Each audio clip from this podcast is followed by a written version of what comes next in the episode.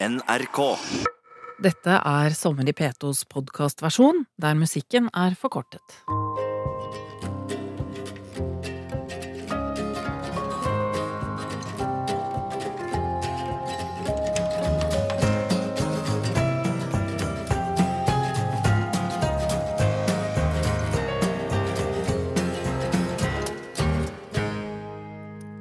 Jeg sitter midt i Oslo på et dunkelt belyst rom på Nasjonalbiblioteket og forsøker å skrive om natur. Det er et stort paradoks, for egentlig vil jeg bare ut i naturen. Det å sitte inne nå føles nesten fysisk vondt. De dagene jeg klarer å løsrive meg, gir meg en slags rus. I dag skal jeg være med på et eventyr, tenker jeg da. Det er det jeg streber etter, i hvert fall av og til. I en hverdag preget av jobb, møter, mas og stress. Eventyret trenger ikke være langt unna. Det kan være å kløyve en stein på jakt etter for lengst utdødd liv, å følge et dyrespor i marka, eller å komme over et merkelig tre i skogen. Undre deg overalt, selv det hverdagslige, var den svenske naturforskeren og botanikeren Carl von Linnés livsmotto. Det kan i grunnen også være mitt. Naturen er ikke bare en kulisse, eller en dekorasjon, en ansamling av mose, trær og stein, som jeg farer forbi. Det å kjenne og å forstå naturen er viktig for meg. Mange av utfordringene vi står overfor i dag, handler om natur, det være seg tap av artsmangfold eller klimaendringer. Kjenner vi naturen bedre, setter vi kanskje mer pris på den, og ønsker i større grad å verne om den. For min egen del handler det helt grunnleggende om vitebegjær. En sitrende nysgjerrighet som får meg til å observere og tolke naturen. Litt på linje med de som liker å forstå detaljene i et Munch-maleri, eller som bruker fritiden på å analysere en fotballkamp. Jeg heter Reidar Müller, jeg er geolog og forfatter, og i denne timen her i Sommer i P2 skal jeg snakke om det å bli kjent med og å forstå naturen, ikke bare nyte den. Bli med på jakt etter 9000 år gamle furustokker på Snaufjellet. på leit etter fossile tropiske skoger i Asker, og på utkikk etter det mest omdiskuterte dyret i norsk fauna, nemlig ulven.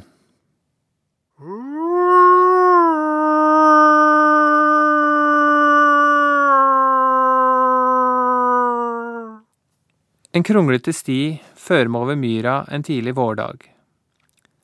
Små, pjuskete furer strever på kanten av sine livsbetingelser.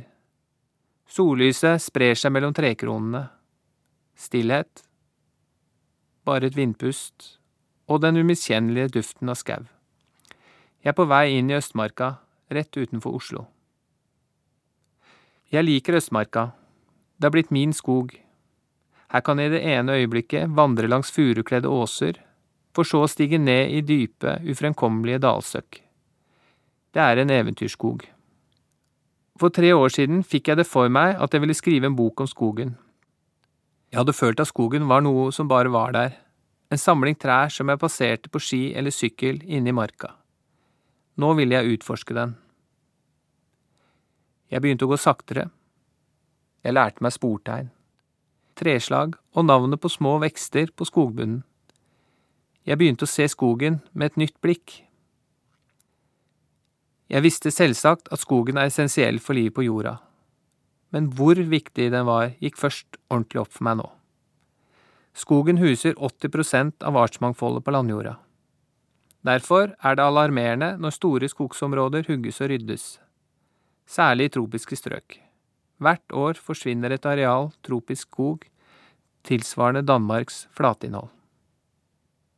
Ikke bare huser den millioner av arter, men skogen fungerer også som en enorm temperaturregulator. Den kjøler kloden, fukter og hindrer tørke, og binder klimagasser. Den demper flommer og holder på jordsmonnet. En klode uten skog ville vært fullstendig fremmed for oss. En ugjenkjennelig planet av ørkener, savanner og prærier. Jeg blir ofte spurt om hvorfor jeg, som er geolog, er så interessert i skog. For å være helt ærlig vet jeg ikke. Jeg har alltid vært i skogen. Jeg vokste opp ved marka, rettere sagt Krokskogen, utenfor Oslo. Det var der vi dro på oppdagelsesferd og lekte krig. Da jeg ble tenåring, var skogen et sted for ugagn og testing av grenser. Vi sprengte ugresssaltbomber og smugdrakk. Men jeg visste ingenting om skogen den gang. Nå tar jeg igjen det tapte. Det at en geolog interesserer seg for skog, er egentlig ikke så rart. Skogens røtter strekker seg langt tilbake i vår geologiske forhistorie. Den oppsto for 385 millioner år siden. Da hadde plantene vokst seg høye nok til at de kan defineres som trær. Og de sto tett nok til at de kan kalles en skog. Siden har skogen vært med på å forme jorda. Både dens klima, atmosfære og liv. Trekk pusten godt inn. Mye av det oksygenet vi drar ned i lungene akkurat nå, og som gjør klodene levelig for oss mennesker, stammer fra trærnes fotosyntese, og fra skoger som eksisterte for mange millioner år siden. Det er derfor mange gode grunner til å klemme et tre, ikke bare fordi det er vakkert.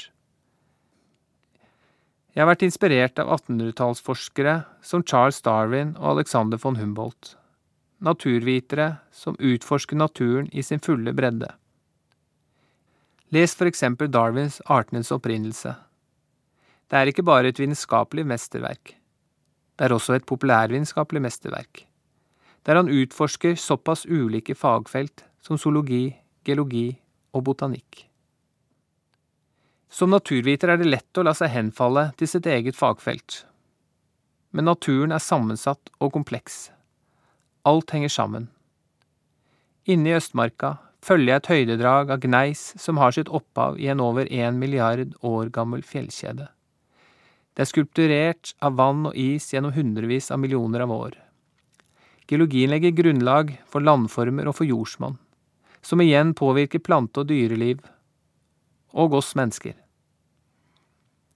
I de fuktige dalsøkkene står granskogen tett, mens langs de tørre rabbene, der jordsmonn er tynt, står furua, som i sin lange perlerot tåler tørke bedre enn grana. Disse høydedragene, som ligger nord-syd, gjør også en vandring øst-vest gjennom Østmarka til en strabasiøs affære. Når jeg er i skogen, må jeg ro og stillhet. Jeg setter alltid mobilen i flymodus, men i bilen på vei ut i skogen hører jeg gjerne på musikk. Da kan det gå i alt fra trash metal til klassisk, avhengig av om jeg er i et gira eller melankolsk humør. Hvis jeg er oppildnet, kanskje fordi jeg har troen på at jeg skal oppdage noe nytt og spennende akkurat denne dagen, da hender det jeg hører på The Who.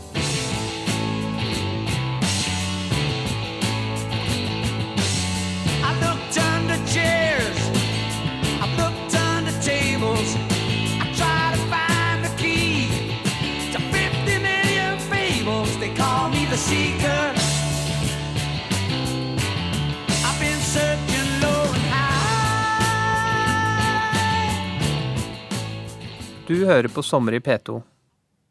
Jeg heter Reidar Müller og er forfatter og geolog. I denne timen skal det stort sett handle om skog. Branntårnet på Kjerringhøgda i Østmarka er et av mine favorittsteder.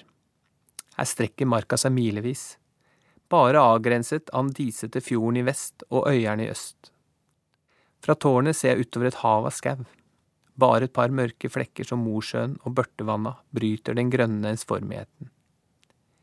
I nord skimter jeg Oslo i det fjerne, som virker som et lite tettsted i marka. Klemt mellom skogdekte åser. Taigaen begynner ved Ånestadkrysset, skrev lyrikeren Rolf Jacobsen i et dikt. Taigaen, dette boreale barskogbeltet, begynner ikke bare der. Den begynner også her i Østmarka, og mange andre steder i landet vårt.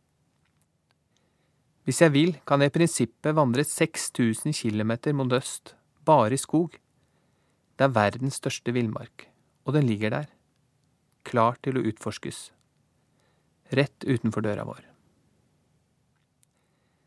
Fra branntårnet kan det se ut som skogen har vært her for alltid. Som geolog vet jeg bedre. For 20 000 år siden lå et flere kilometer tykt islag over store deler av Norge. For 12 000 år siden trakk isen seg tilbake som en sleip snegle. Tilbake lå et blankslitt, skurt og værbitt land. Uten skog. Uten dyr. Uten planter eller mennesker. Det kan være vanskelig å forestille seg med skogen på alle kanter her inne i Østmarka. Skogen begynte sakte å gjenerobre landet vårt etter siste istid. Bjørka kom først. Den frør seg selv om sommeren er kalde. Derfor danner bjørka ofte skogen, som danner skoggrensa til fjells. Så kom osp, rogn, hassel, or og ikke minst furu. Da jordsmonnet var godt nok, da etablerte edeløvskogen seg. Granskogen, som av mange oppfattes som noe typisk norsk, kom mye seinere.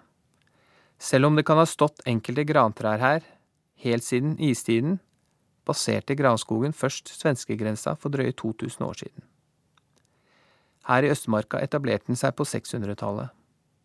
Den skogen våre forfedre trasket rundt i omkring år null, så altså ganske annerledes ut enn i dag. I dag dekker skogen 38% av landet vårt og vi har ikke mindre enn 11 milliarder trær i Norge. Men verden er et forgjengelig sted. Hver gang isbreene har bredt seg utover landet vårt, har livet blitt skrapt bort fra berget. Artsmangfoldet er derfor stusslig på våre kanter av kloden. Bare rundt 30 treslag vokser naturlig i Norge. Det er kun en brøkdel av regnskogens blendende artsmangfold med flere titusen arter trær. Den skogen har fått utvikle seg i fred i titalls av millioner av år, uten utslettende istider. Jeg kommer ikke utenom fura som kler høydedragene i Østmarka. Når jeg holder foredrag om skog, er det mange som nevner furua. At det er deres tre, at du kunne tenke seg å bli begravd under en furu, at de har en vakker furu på tomta. Furu er kanskje nasjonaltreet vårt. Kjært barn har mange navn. Det er tall, tolv, telv, fåre, fyre, for å nevne noen. Over 2000 stedsnavn i landet vårt har sitt opphav fra furu. Jeg har også en forkjærlighet for furu. Sist vinter gikk jeg på ski ved Rondane. Plutselig sto den der, en kjempefuru. Den var så mektig, så svær. Jeg forsøkte å holde rundt den, men kom bare halvveis rundt stammen. Jeg beregnet kjapt at dette måtte være et av de største og eldste furutrærne i landet, kanskje over 500 år gammel. Det fikk meg til å tenke på hvor frisert skogen er av oss mennesker, og hvor sjelden skogen, og slike furuer, får vokse seg gamle og svære i fred. Når jeg først er inne på furuer, må jeg fortelle om en sær hobby jeg har. Jeg leter etter flere tusen år gamle furustokker i myrer og tjern på Snaufjellet. Stokker som kan si oss noe om fortidens klimagodter, og om skoger som en gang dekket store deler av vidda i landet vårt. Her kommer Norwegian Wood av The Beatles. Selv om låta egentlig ikke handler om skog, så følte jeg at jeg måtte spille den.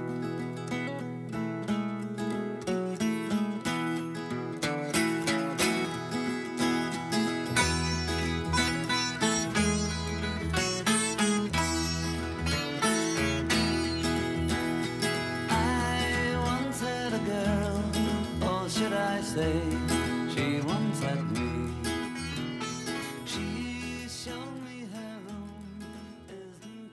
tur i naturen er ikke bare en tur. Det må også være en søken etter noe. Det kan være en spennende landform, fossiler, sopp, ulv, bær, ramsløk, et naturfenomen. Turen bør helst ha et formål. Da jeg studerte geologi, ble vi trent opp til å tolke naturen for bedre å forstå livets og landskapets storslagne historie. Vi gravde ut restene av en dvergelefant på den greske øya Rådås. Vi kartla sporene i berggrunnen etter en enorm fjellkjede, kanskje høyere enn Himalaya, på øya Atløy i Sogn og Fjordane. På Svalbard ble vi fløyet med helikopter inn til spektakulære klipper der vi studerte skogkledde elvedeltaer som rant ut i havet for 55 millioner år siden. Disse feltturene lærte meg at det eneste konstante på kloden er forandring. Fjell dannes og svinner hen. Hav åpner og lukker seg. Arter oppstår og blir borte. Skoger kommer og går. Som geolog har jeg endret mitt syn på naturen. Jeg observerer og tolker den i større grad. Det er alltid noe å studere, alltid en grunn til å stanse bilen for å se på en stein eller en merkelig formasjon. Det kan kanskje bli litt slitsomt av og til, i hvert fall for familien. Som i påsken da jeg, den gale geologen, spratt ut av bilen og inn i en hage på Moelv for å se på en blotning av stein. Kona og ungene satt i bilen og ventet. Elsedatteren på 15 var flau. De to sønnene mine, på 8 og 11, satt fraværende med hver sin iPhone. Hva så du etter? spurte de da jeg kom tilbake. Jeg fortalte at jeg hadde tittet på sporene etter en 580 millioner år gammel istid. En voldsom istid som var så omfattende at den hadde dekket store deler av kloden. Er ikke det spennende? spurte jeg. Ingen svarte. Etter at jeg har begynt å interessere meg stadig mer for dyr og planter, blir stoppene stadig flere. Enten det er spor i snøen, eller et svært furutre som skal eksamineres. Forhåpentligvis blir ikke barna skremt. Forhåpentligvis trigger jeg nysgjerrighet til dem også. Om ikke nå, så en gang i fremtiden. Selv om jeg for tiden liker meg best i skogen, er jeg også glad i fjellet. Særlig når jeg kan lete etter rester av skog, langt over dagens skoggrense. Ved hytta vår rett sør for Rondane søker jeg etter furustokker i myrer og tjern på Snaufjellet. Ja, du hørte riktig. Furustokker for en gang var dette Snaufjellet skogkledd. Før i tiden skapte slike trestokker undring. I gamle sagn sies det at syndefloden brakte dem med seg og skylte dem over den norske fjellheimen. Det må ha vært vanskelig å forestille seg at jorden er omskiftelig. Den endrer utseende, klimaet skifter, skogen er på frammarsj eller på retrett. Men hvor lenge er det siden det vokste furuskog her? Har karbon 14-datert mange av stokkene. Den eldste er så langt 9200 år. Funnet bekrefter at skogen står høyere rett etter istiden, som en følge av et hetere klima. Kanskje var somrene så mye som én til to grader varmere enn i dag. Skogen er som en temperaturmåler. For hver grad middeltemperaturen øker om sommeren, stiger tregrensa med omtrent 170 høydemeter. Av den grunn var store deler av Hardangervidda, Jotunheimen og Snaufjellet her sør for Rondane dekket av skog for 9000 år siden. Under denne varmetiden smeltet også alle isbreene i landet vårt bort. Hva var årsaken til det varme klimaet den gang? Det skyldes hovedsakelig astronomiske forhold. For jorda vingler litt på sin ferd rundt sola. Rett etter siste istid befant jorden seg derfor nærmest solen midtsommers og lengst fra ved vintersolverv. Altså omvendt fra i dag. Det gjorde at somrene var varmere, mens vintrene var kaldere. Først da klimaet ble kjøligere, for om lag 6000 år siden, begynte skogrensen sin sakte retrett nedover fjellsidene. Det som skjedde for nesten 10 000 år siden, er på vei til å skje igjen. Vi er på et vis på vei tilbake til borealtiden varmetiden rett etter siste istid. Vi ser det så godt, vi som ferdes mye i fjellet. Isbrennen trekker seg tilbake, og skogen er igjen på vei til å kle Snaufjellet. Klimaet har endret seg betydelig bakover i tid. For 55 millioner år siden var Svalbard og store deler av Arktis skogkledd. For bare 20 000 år siden befant landet vårt seg under tykk is. Jordas klima har vært omskiftelig. Likevel klarer jeg ikke å la være å bekymre meg for det store eksperimentet vi nå utfører ved å tilføre atmosfæren store mengder med klimagasser på svært kort tid. Vi må være føre var. Nå er ikke denne stokkeletningen bare mitt forskningsprosjekt. Det har faktisk blitt et familieprosjekt. Engasjementet er ikke like stort hos min tenåringsdatter men mine to sønner er gjerne med på jakten. Enn så lenge.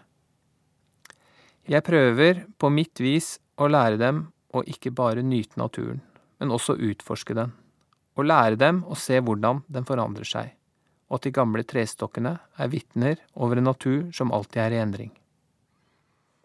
Det finnes rester etter skog i landet vårt som er enda eldre og enda mer tankevekkende. Sporene skjuler seg i fjellsidene overfor Semsvann i Asker, et sted jeg stadig vender tilbake til. Men før vi kommer dit, et stykke som gir meg litt høytidsstemning i bilen før turene mine. Dette er Philip Glass, Morning Passage.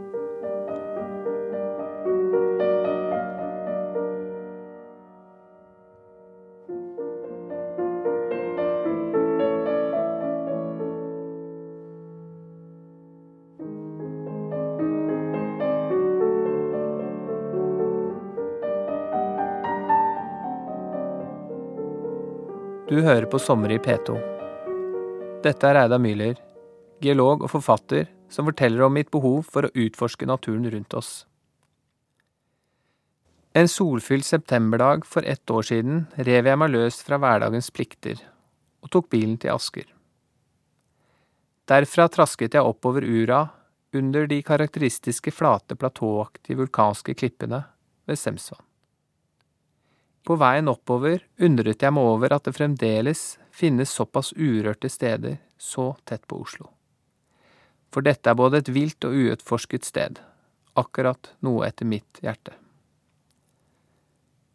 Denne høstdagen var jeg på utkikk etter et steinlag med fossile blader, stammer og grener, ikke mindre enn 310 millioner år gammelt, som ligger midt oppe i lia.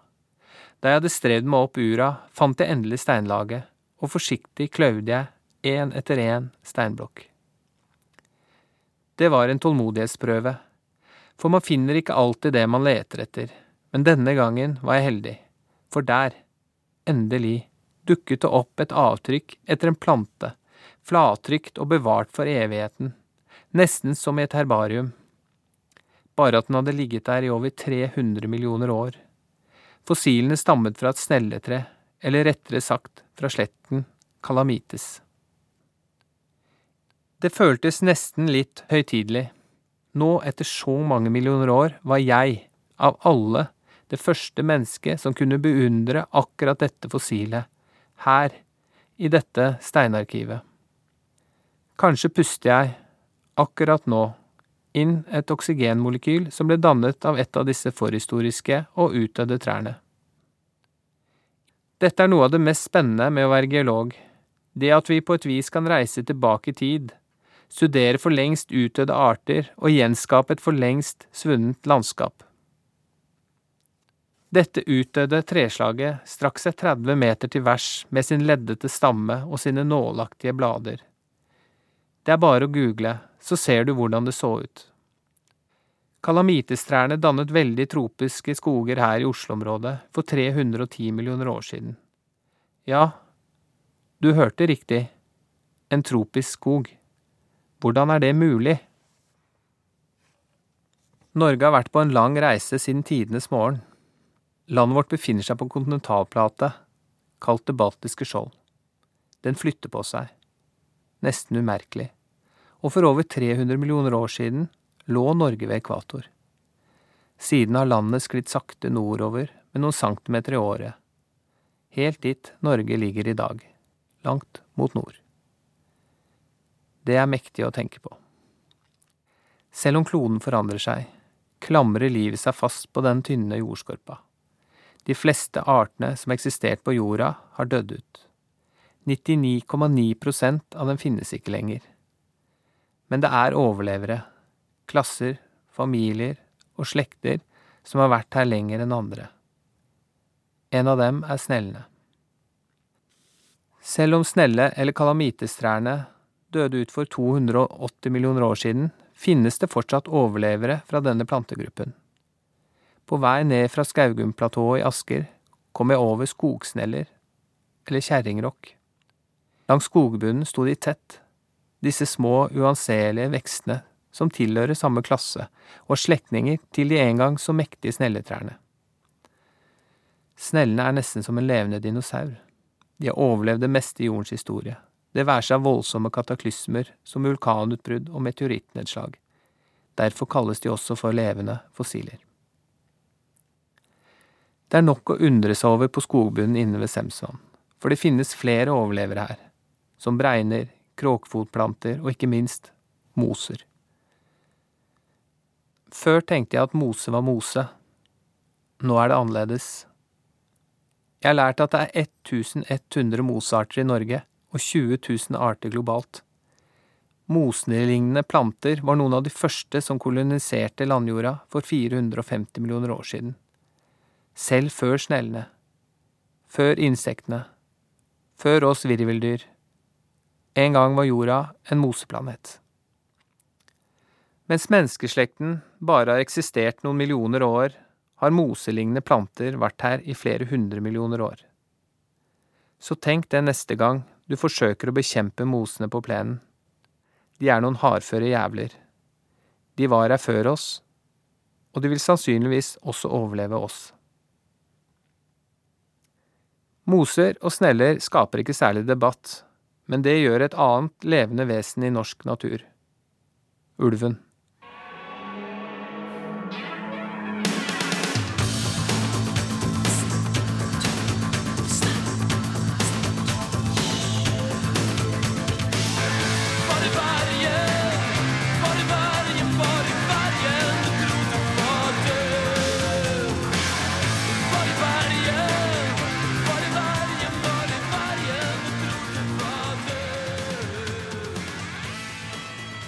En sen natt kjørte jeg innover på en skogsbilvei i grensetraktene til Sverige. Grantrærne sto som svarte spir opp mot den stjerneklare himmelen. Sammen med min svenske kompis, Stefan, stilte jeg meg opp og ulte ut i den mørke natten. Ja, var er vargen, synger imperiet, men fikk vi svar? Det er bare å innrømme, i min iver etter å utforske skogen er blitt hekta på ulv. Ulven er blitt en besettelse og et mål for skogsturene mine. Det å stå opp om morgenen og vite at i dag skal jeg ut og lete etter spor, da føler jeg meg fri og spent på en gang. Det er nesten en slags rus. Stefan kaller det vargdopet. For noen år siden var jeg på fest. Jeg kom i snakk med en halvfull biolog. Da jeg fortalte at jeg var geolog, snøvlet han tilbake at han ikke skjønte at jeg gadd. Vi studerte jo bare døde, livløse greier. Jeg ble fornærmet. Men etter at jeg begynte å spore ulv, må jeg imotvillig innrømme at biologen hadde et poeng. Det å vite at jeg er i nærheten av en ulveflokk, er noe av det heftigste jeg har opplevd i naturen. Men ikke bare det. Det å snoke opp, gjenkjenne sportegn etter vargen, er en sport i seg selv. Jeg vet ikke helt hvorfor jeg ble så fascinert av dette omdiskuterte rovdyret. Kanskje det er så enkelt som at det er et krevende dyr å komme over planlagt, et dyr som få har sett, et dyr som krever list og kunnskap å nærme seg og spore opp. Ulvens atferd er også fengslende. Den kan fortære fem kilo med kjøtt under ett måltid, og den kan vandre ti mil på et døgn. Dessuten er det knyttet så mange myter til dyret fra ulv i fåreklær og eventyret om Rødhette og ulven, til Freuds lange utlegninger om ulvemannen, den russiske aristokraten Sergej Pankjev som drømte om syv ulver som satt oppi et valnøttre, og som Freud gjorde berømt med sine spekulative tolkninger av drømmen. Det er også det min svenske kompis blir kalt, ulvemannen, eller vargmannen. Utenom å være snekkerlærer og far handler alt om dyr for Stefan. Det har det gjort siden han var to år. Det går i vandrefalk, ørn, amfibier, insekter, ulv og hvit elg. Han har som mål å se og oppleve flest mulig arter. Han er ustoppelig. Han kan kjøre søvnløs en hel helg på jakt etter alt fra en sjelden edderkopp til nettopp ulv. Stefan har lært meg alt jeg kan om ulv han også lært meg å sette pris på livet i skogene på en ny måte. Der skillet mellom dag og natt er utvisket. Da jeg skulle lete etter ulv for første gang, trodde jeg at det innebar lange vandringer i skog og mark. Nei da, det handler om å kjøre bil. Utallige mil bare på én kveld, og med Stefan, vargmannen, ble det mange mil rasende rundt på skogsbilveier på utkikk etter ulv. Er du redd, har du med våpen, har jeg blitt spurt. Ulven er jo farlig, konkluderes det bastant av enkelte. Men selv om jeg er helt alene ute i skogen og finner ferske ulvespor, kjenner jeg ikke redsel. Jeg er bare spent, jeg skjerper sansene, jeg lytter og følger etter sporene. Det virker farligere å mene noe om ulven i dette landet. Merkelig, egentlig. Jeg forstår og respekterer at folk som lever tett på ulveflokkene, kan føle utrygghet. Jeg vil likevel påstå at ulven er ufarlig. Ja, nesten ufarlig. For man vet aldri med dyr. Enten det er naboens bikkje, en spillgæren tiur eller en elgku med kalver. På 1960-tallet ble det forsket på ulvens skyhet ved universitetet i Chicago. Slik gikk det for seg. En person satte seg i hjørnet inne i buret til en ikke-sosialisert, voksen ulv. Først forsøkte ulven å stikke av, grafset i betonggulvet, hoppet opp og skrapte på døra. Da den ikke lyktes, krøket den seg sammen et hjørne, skalv, siklet og urinerte, et resultat av en ekstrem angst for dette mennesket inne i buret.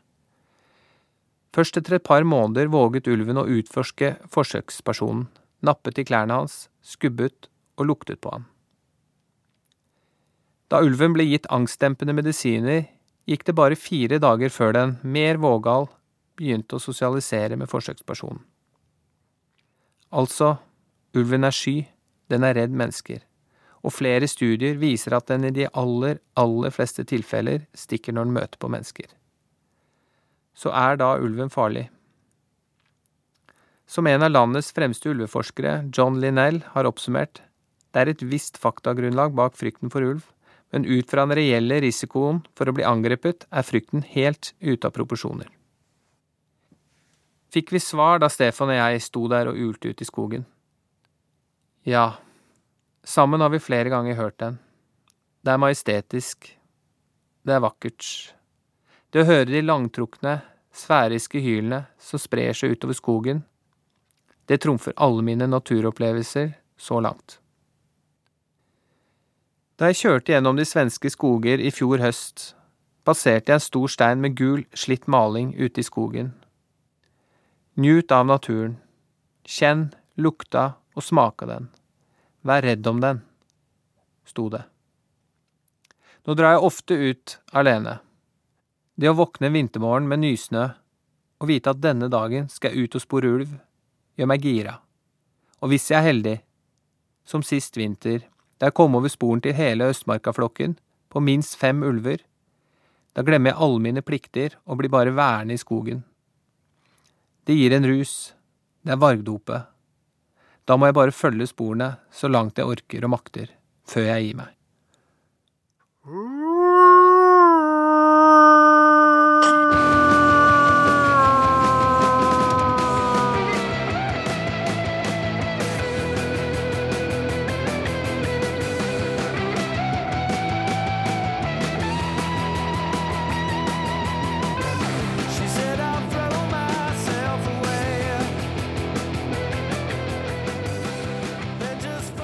Har hørt Sommer i P2 med forfatter og geolog Reidar Myller. Eli Kyrkjebø hadde det tekniske ansvaret. Janne Kjellberg var produsent. Dersom du vil høre radioversjonen med all musikk, kan du finne den på NRK Radio, på mobil, nettbrett eller PC.